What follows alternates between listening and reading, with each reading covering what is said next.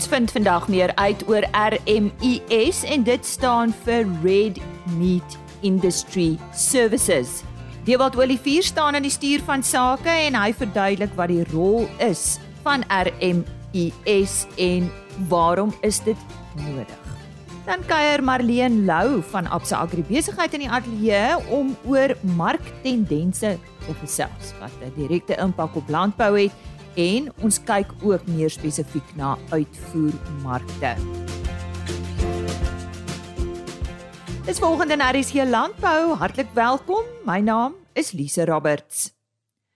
As wolf van die lang naweek het daar nie 'n wolveiling in Port Elizabeth plaasgevind nie en daarom sal Heinrich Victor van OVK weer volgende week aan die woord wees met ons wolnuus.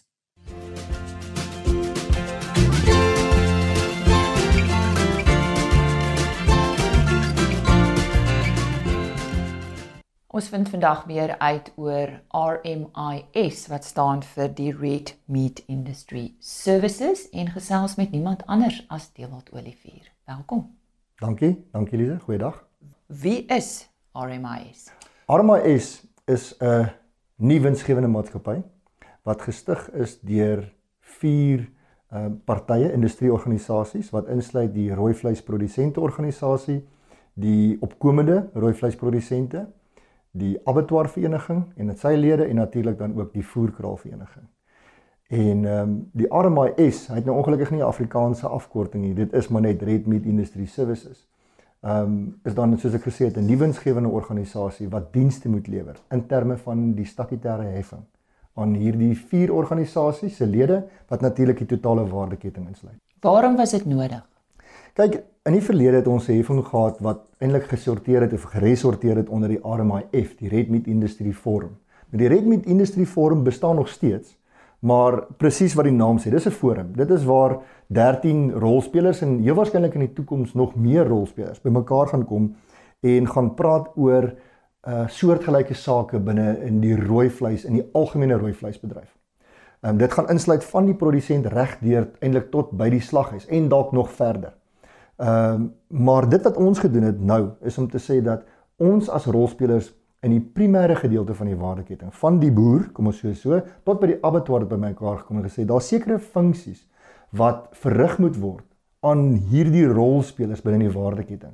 En is belangrik dat dit gefinansier word en dit word dan uit die statutêre heffing gefinansier om hierdie funksie terug te kan lewer aan die aan, aan die boer, die voerkraal, die abattoir hierdie dienste of services waarvan jy praat, noem vir ons 'n voorbeeld. Okay, so dit staan op vier bene. Ons het vier bene geïdentifiseer en hierdie is gedoen omtrent 2 en 'n half jaar terug met die samewerking van wyle Dr. Michael Bradfield. So dit was eintlik 'n 'n tipe van 'n 'n aha oomblik wat gebeur het daai tyd en is jammer dat hy nie hier is om dit saam met ons eintlik te te sien nie want hierdie is is baie grootliks aan sy toedoen te danke. So die eerste been is diere en publieke gesondheid. Ehm uh, die tweede been is marktoegang. Nou, ek gaan nou nou verduidelik wat elke onder elkeen is. Ehm uh, die vierde been is inklusiewe groei of inclusive growth en dan die vyfde been is ehm um, herlewingsbestuur of uh sustainability. Ehm um, en volhoubaarheid natuurlik. Volhoubaarheid en mededingendheid. Competitiveness and sustainability. So kom ons begin sommer daar. Mededingendheid en volhoubaarheid gaan oor presies wat dit sê. Om volhoubaar te kan boer, voerkrale volhoubaar te hê en natuurlik in die abattoir bedryf ook volhoubaar te wees met om te kyk na water, afvalwater en dis meer. So dit dit sluit dit alles in. Mededingendheid waarmee saamgaan is natuurlik mededingendheid vir nuwe toetreders en natuurlik internasionale markte om mededingend te wees met ons met ons produk en met die kostes, met ons met ons kostes wat ons het. Marktoegang is ook dan ook ook vir nuwe eh, toetreders tot die mark en ook internasionale markte. Dis deel van die diens wat ons moet lewer gaan eers spring na die laaste een toe wat natuurlik dieregesondheid en publieke gesondheid is. Ehm um, wat op hierdie stadium 'n baie belangrike rol speel in dit wat ek moet doen. Ehm um, onder andere om te kyk na FMD. Uh, Daar's natuurlik volgens my 'n groter siekte, uh brucellose, maar FMD is definitief bo in die lys van van siektes wat hanteer moet word en saam met dit publieke gesondheid. So werk die nasionale dieregesondheidsforum saam met hulle. Ek gaan ja, ja, so wat gebeur is Die lede van RMIS is ook lede by die Dieregesondheidsforum en RMIS sit ook as uh 'n deelnemer by die Animal Health Forum en ons ondersteun hulle 100% in wat hulle doen. Ehm um, en met Gerard op hierdie stadium met die voorsitter is en natuurlik Marzaan wat daar is. Dan die laaste ene is inklusiewe groei. Nou dis belangrik om om te verstaan hoekom ons dit nie transformasie noem nie. Ehm um, transformasie volgens ons beteken om dieselfde koek te vat en om net in kleiner dele te deel. En ons het gesê ten einde te kan transformeer, moet daar inklusiewe groei wees. Ons moet die koek in totaliteit groei. Ehm um, en dan kan ons plek maak vir nuwe toetreders, nuwe markte en dis meer. So ons noem dit inklusiewe groei eerder as transformasie. En ek dink op hierdie stadium het dit baie aftrek al gekry, nie net by uh, die regering nie, by die NMC en ek dink oor die algemeen oor die breër spektrum van deelnemers binne die bedryf. Inklusiewe groei maak baie meer sin as as transformasie. So jy moet 'n lid wees om voordeel te trek. Nee, glad nie. Ehm um, elke betaler en onthou op hierdie stadium hoe die hoe die statutêre heffing saamgestel is, beteken dat die eienaar van die dier by slagting bepaal die heffing. R13 per kop per bees en R2.53 vir 'n skaap op 'n bok. So jy hoef nie noodwendig 'n lid te wees van die RPO, NERPO, SAFA of die abattoir vereniging om voordele te kry nie. So die RMIS onthou lewer 'n diens vir die totale waardeketting ongeag of jy lid is van een van hierdie organisasies. Nou dit is natuurlik belangrik om deel te wees van die industrieorganisasies om die inligting terug te kry, nie terugvoer te kry. Maar dit wat RMIS doen is nie net vir, kom ons vat 'n voorbeeld, uh Beefmaster wat 'n lid is by die voerkraalvereniging. Dis nie net vir hom nie. Uh dit is vir elke liewe deelnemer of betaler dan van die statutêre heffing. Verduidelik bietjie vir ons. Ek dink ehm um, julle sien dit as algemene kennis en miskien landbou media ook, maar uh, ons het dalk 'n kyker of 'n luisteraar wat wonder wat is die doel van 'n statutêre heffing? Hoekom het ons dit nodig? As ons vat byvoorbeeld as ons nou praat met 'n met 'n verbruiker. die statutêre heffing kyk na soos ek nou nou genoem het die diere gesondheidsgedeelte en die publieke gesondheidsgedeelte. So die dienste wat onder andere gelewer word deur die abattoir vereniging om te kyk dat vleis aan 'n spesifieke standaard voldoen. Nou die statutêre heffing en grootliks dit wat ons doen by RMIS betaal daarvoor. So die statutêre heffing verseker dat as Dr Gerard Neetling van die abattoir vereniging uitgaan en hy kyk na en hulle audit spesifieke instansies of abattoirs om seker te maak dat hulle aan higiëniese vereistes en dis meer, daar's nou 'n klomp vereistes waaraan voldoen moet word, maar dat dit op standaard is. So dit word alles tot 'n groot mate deur hierdie finansier uh om seker te maak dat ons aan die spesifieke vereistes. Ons is nou op hierdie stadium byvoorbeeld besig om te kyk na 'n uitvoermark in Saudi-Arabië. En die dienste wat gelewer word, moet dan gefinansier word hieruit. So dit dit is veronderstel om die totale dienslewering binne en aan die verbruiker as die eindverbruiker van die eindproduk, maar die deelnemer aan die statutêre heffing te help om sekere goederes te doen. Nou ons is tot 'n groot mate ehm um, is ons agter. Ek dink ons het ons het lank gevat op hierdie punt om saam te werk. En ek ek, ek sal die eerste een wees en ek is die kortste binne in die bedryf. Ehm um, maar ek sal erken dat ek dink oor 'n baie lang tydperk was daar baie geskille en verskille rondom hoe moet ons die die hekkies of die silo's afbreek tussen die primêre produsent die voerkraal nie meer. En ek het 'n uh, van die begin af 'n uitgangspunt om te sê dat eider ons kyk na rooi vleis om vleis te verkoop of om diere te verkoop. Enige iets bo dit onder dit links regs is vir my in my insiens politiek. En RMIS gaan nie betrokke raak by politiek nie. Ek gaan nie betrokke raak van RMIS se kant af by byvoorbeeld uh is 'n kalfprys te hoog of te laag. Ehm uh, moet daar meer uh politieke gesprekke wees. Ek dink dit is ehm um, vir ek ek dink dit is ons rol op die einde van die dag nie. Ek kan nie nie of wegstap van die politiek af nie. Dit gaan altyd daar wees. Ehm um, om om om die situasie te bestuur. Maar op die einde van die dag moet ek 'n diens lewer. En ek gaan nie en kan nie kant kies nie om te sê die een is reg of die een verkeerd is nie. Wat ek wel sê is daar's dis brood nodig. Dis vleis nodig om sekere dienste in ons bedryf te lewer om ons op die volgende trappie te sit om internasionaal deel te kan neem en natuurlik ook plaaslik. Ek dink ons vergeet baie keer en almal dink uh, as ons sê ons wil meer markte internasionaal oopmaak, dat ons wil vergeet van die plaaslike mark. Ons kan nie en ons gaan nie, want ons moet onthou dat 96 miskien dalk 'n bietjie meer van ons produk word plaaslik verbruik. So ons moet fokus op die plaaslike mark en dit sal altyd so bly dat dit 'n verskriklike belangrike rol speel van ehm um, van die totale ekonomie van rooi vleis. Jy het verwys na julle uh, markte in Saudi-Arabië. Dis nou iets waarna jy kyk. Is daar nog iets waarmee jy tans besig is? Ehm um, nee, Saudi-Arabië is op hierdie stadium die grootste mark waar ons kyk. Uh, ons het natuurlik uit die aard van die saak is China op hierdie stadium toe as gevolg van ons back and close status. Wat ons wel kan sê ons is besig daarom te werk. Ehm um, dit is 'n proses. So werk julle saam met die departement land? Ons werk dit saam met die departement, ja. Ehm um, ag daar's daar sekere vrae wat terugkom het van China oor hoe goed hanteer word en ek dink ehm um, die staat het dit goed hanteer en teruggestuur. So ons is besig om om te kyk hoe wat is die volgende stappe. Maar dis alles jy weet dit dit gaan terugtrek reg deur tot by die produsente as ons meer uitvoermarkte het. So Saudi-Arabië is in my mynsinsies, net dis nou Dewald se wat hier praat, 'n baie groter en 'n toegankliker mark as China. Ehm um, en ek dink ons gaan baie groter voordeel trek uit 'n Saudi-Arabië wat oopmaak as uit China. China is uit die aard van die saak ontsaglike volumes. Maar dit wat ons gaan kan stuur in produkgewys na Saudi-Arabië toe, gaan vir ons 'n baie groter voordeel bring. Goed, maar ek praat nie van 'n mark nie, ek praat van 'n ander diens waarmee jy tans ja, besig is, 'n ander fokus. Ander fokus. So grootliks ons het ons het die low hanging fruits as ek so kan sê wat op hierdie stadium ehm um, groot fokus is, is natuurlik ons kyk na diere gesondheid. So die die back and close situasie het dringend aandag nodig. En as ek sê ons het dit aandag nodig, dit het bestuur nodig.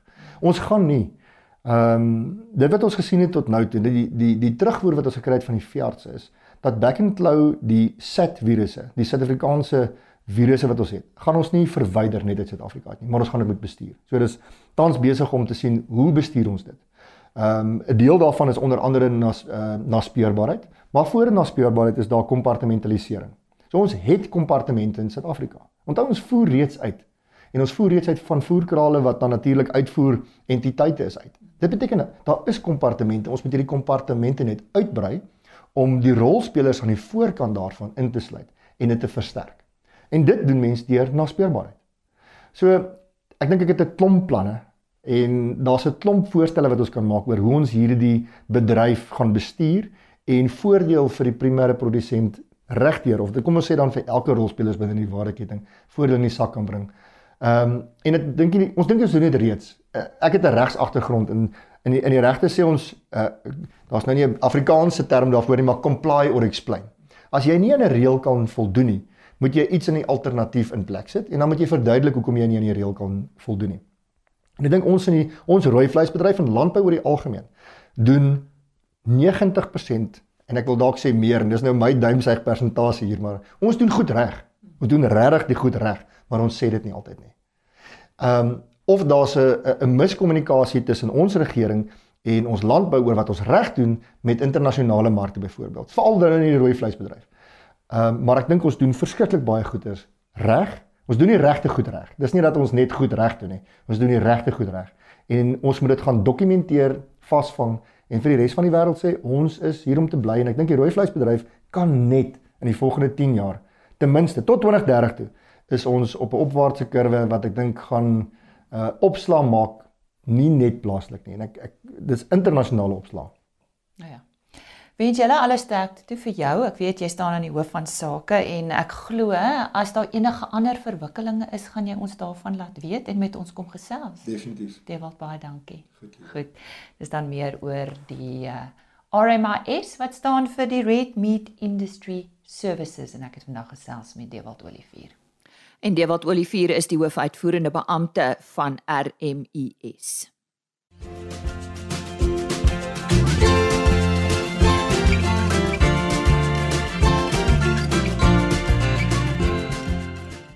Ons verwelkom vandag vir die eerste keer vir Marlene Lou, sy is van Absa Agri Besigheid en ons gaan vandag gesels oor markte, uh uitvoermarkte, tendense en ons gaan ook so 'n bietjie terugkom huis toe en praat oor ons plaaslike landbou prentjie.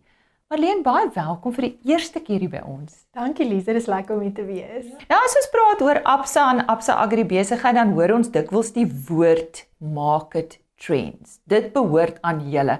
Geef ons 'n bietjie geskiedenis. So ek dink dit is al 'n instelling by Absa pre COVID het ons gereeld of elke 6 maande 'n uh, verslag uitgegee waarin ons bietjie gesels het oor wat in die wêreld gebeur en hoe dit ons landboumarkte beïnvloed en dan ook die die plaaslike konteks weergegee. Ehm um, dit het so 'n bietjie ehm um, weggekwyn gedurende COVID En uh in 2022 Oktober maand verlede jaar het ons weer weer begin. Um ek dink dit is nou nodiger as ooit want uh, ek ek dink die landbou in Suid-Afrika maar ook wêreldwyd is is is um funksioneer in baie onsekere toestande. En en die gees waarin ons hierdie uitgee is, is om ons um siening oor dit te deel. En dan hoop ons ook dat dat ons met mense kan gesels daaroor en terugvoer kan kry. Ek dink dit is belangrik belangrik dat al die ehm um, uh rolspelers in landbou gereeld gesels en en laat ons so ons risiko kan bestuur en afdek. So die laaste verslag, die mees onlangse verslag, wat het dit uitgelig? So ons het weer gepraat oor China wat na hulle COVID beperkings ehm um, weer goed aan die gang is in terme van ekonomiese groei wat dit beteken vir vir uh landbou wêreldwyd en kommoditeitspryse maar ook ehm um, hoe Suid-Afrikaanse landbou uh industrie daarbey kan baat. Ehm um, so spesifiek het ons hier gekyk na neute in 2022 het die makadamia neutindustrie uh nogal swaar getrek as gevolg van skerp prysdalings. Ons verwag dat uh die die nuwe aktiwiteit na China nou uit hulle COVID uh, beperkings uitgekom het. Goeie nuus is vir ons neutemark. Ons ons het ook gesien dat die Chinese nuwe jaar um oplewing toon en en en meer bestellings tot gevolg het. So ons dink dit is goeie nuus vir vir industrie soos neute.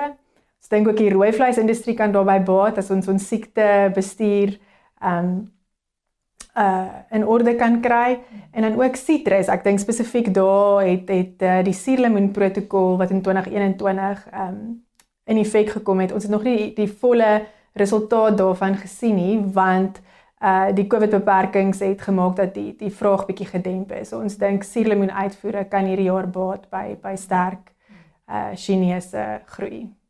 Kyk, ons weet China is groot. Ehm um, uh, hoekom is China dan so 'n belangrike rolspeler? Is dit waarom of gee vir ons 'n rede? Kyk, ek dink um, China is 'n belangrike rolspeler want daar's so baie monde om te te ja, voer. Ja. Se se 1.4 miljard. Ek dink hulle self produseer ook baie, maar ehm um, daar is baie geleenthede uh vir allerlei landbou uitvoer voermarkte en ek dink ehm um, die breër konteks is ons sien dat dat die die aard van handel verander. Ehm um, tipies is daar stremminge vir die afgelope paar jaar tussen die FSA en China uh wat uh ek dink goed gedokumenteer is, maar daai stremminge is potensieel goeie nuus vir uitvoerders van Suid-Afrika af as ons ons voet in die deur kan kry en en daai markte kan begin ontgin. Nou die spesifieke markverslag, is dit goeie of slegte nuus vir Suid-Afrikaanse uitvoerprodukte soos sitrus? Ek dink dit dit is gemeng. Ek dink ons voel oor die algemeen versigtig optimisties oor die seisoen wat kom. As jy terugkyk, ons druiweseisoen is besig om nou af te sluit en ek dink oor die algemeen voel ons die druiweseisoen was 'n groot verbetering op 2022. Ehm um, die die kwaliteit is beter, die pryse is beter, ehm um, skeepsvrag uh is meer ehm um, of die ritme daarvan het het, het verbeter en en ook die kostes daaraan verbonde. So ek dink dit is definitief goeie nuus vir Suid-Afrikaanse uitvoerders. Daar is egter nog probleme. Ek dink ehm um, ander insetkoste soos uh kunsmis, chemie, uh verpakking, dit alles bly maar nog duur. So op plaasvlak het dit 'n effek ehm um, vir ons uitvoerprodukte. En dan dink ek ook waaroor ons baie bekommerd is is die markte wat ons bedien. Uh, as jy dink spesifiek in sitrus, die ehm um, MOT protokol wat maak dat lemoene nie in in in die uh Europese Unie kan gaan nie. Ehm um, ja, alles daar rondom. Ek dink die Europese Unie is ook op die voorfront van die groen beweging. En dit is ook potensieel 'n volgende hekkie wat ons produsente gaan moet oorkom om om hulle mark daar te behou. Ja, ek wil 'n bietjie stil staan by die westerse markte soos die EU. Wat is jou siening? Ek bedoel dis tradisioneel. Ek weet vir jare al voor ons uit na die EU toe. Wat is julle siening op hierdie stadium? So, ek dink dit het verseker, die vooruitsigte het verseker verbeter as ons dit vergelyk met verlede jaar, maar daar bly ehm um, strukturele probleme. So spesifiek nou in die sitrus het ons nou aangeraak die die die die MOT protokol maar ehm um, ek dink die EU is op die voorfront van alles wat klimaat uh betref. Ja.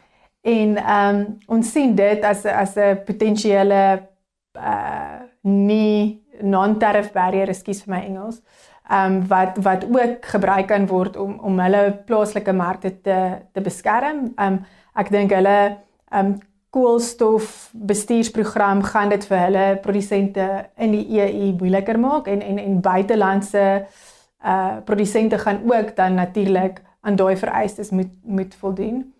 Ek dink die die die ander komplikasie in terme van markte wat nie noodwendig EU verwant is nie, maar is is waar ons ons skaar in terme van die groter globale politieke milieu. Um en daar sien ons spesifiek dat ons verhouding met Rusland 'n potensiële uh probleme kan veroorsaak as ons goed soos AGOA volgende jaar moet moet um, heronderhandel.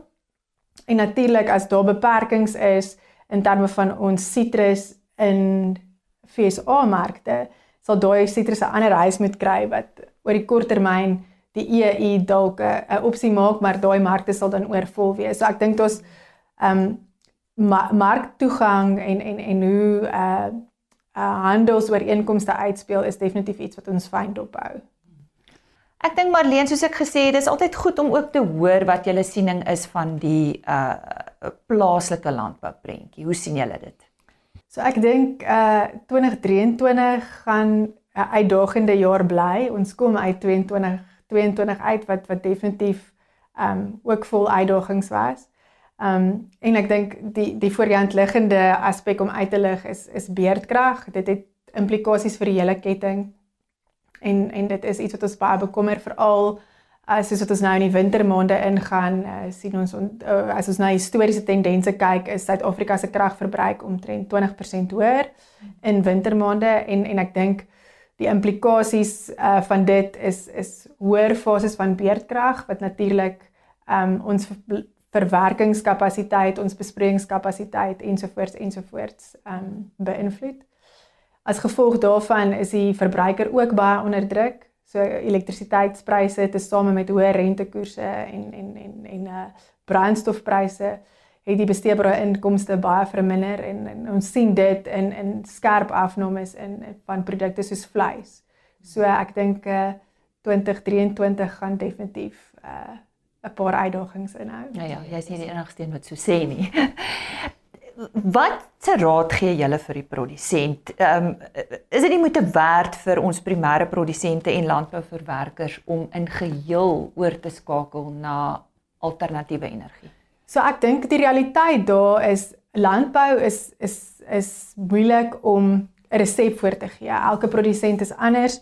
Dit word bepaal deur hoe sy distribusie op sy plaas lyk, hoeveel punte hy het wat sy behoeftes is in in terme van is dit seisoonaal of is dit konstant deur die hele jaar?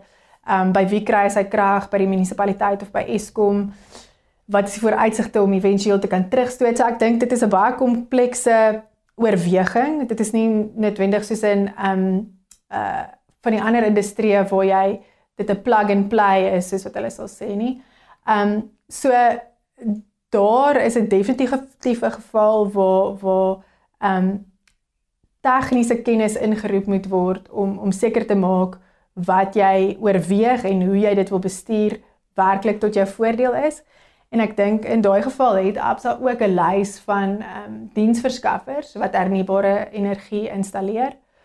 Ek dink as mense oor die algemeen wil praat is ons siening dat jy nie regtig sonder 'n uh, eh, alternatiewe energie kan kan vooruitgaan nie en en en so ons dryf definitief ehm um, die agenda van investering in hernubare energie, maar ons verstaan ook produsente se se uh kontant um en vir terugbetaal vermoë is baie onder druk vir verskeie redes en dat dit dat dit 'n komplekse oorweging is wat wat wat elke situasie um moet op sy eie meriete getakseer word. Dan ons moet afsluit. Ek wil net kortliks vir jou vra. Ons het nou gepraat oor beurtkrag en die impak daarvan en dit speel 'n baie groot rol wat is daar nog op die agenda wat julle dalk miskien bekommer of waar julle nodig het waar waar daar op gefokus moet word?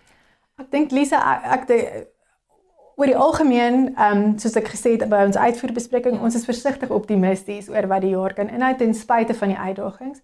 Ek dink uh, ons het gesien landbou is 'n baie resilient, veerkragtige industrie ja. en en en ek soos wat ek vroeër gesê het, ons ervaring is dat in hierdie krisistye is jou vennootskappe baie baie belangrik. Ehm um, en en kommunikasie met die vennote met wie jy besigheid doen. So in daai opsig dink ek is dit belangrik dat ons almal met mekaar praat en en sodoende die uitdagings wat ons in die gesig staar uh, mooi te kan bestuur. Ek hoor ek hoor darm hoop in jou stem. Definitief. Daar sy. Baie dankie. Marlene Lou, sy is senior ekonoom by Absa Agribesigheid wat vandag met ons gesels het oor hulle market trends en ander marktendense wat 'n impak het op Suid-Afrikaanse landbou. En dis dan tyd om te groet. Dankie vir jou tyd vanoggend sterkte met die res van jou dag en uh, indien jy graag weer na enige van ons programme wil luister, al die vorige programme is op rsg.co.za as potgooi beskikbaar. Soos altyd kan jy ook agriorbit.com raadpleeg vir die onderhoude en dan sluit ek vandag se program af met 'n e-posadres rsglandbou@plaasmedia.co.za. Tot môreoggend, onthou 25 oor 5 RSG Landbou Totsiens. RSG Landbou is 'n plaas media produksie met regisseur en aanbieder Lize Roberts en tegniese ondersteuning deur Jolande Rooi.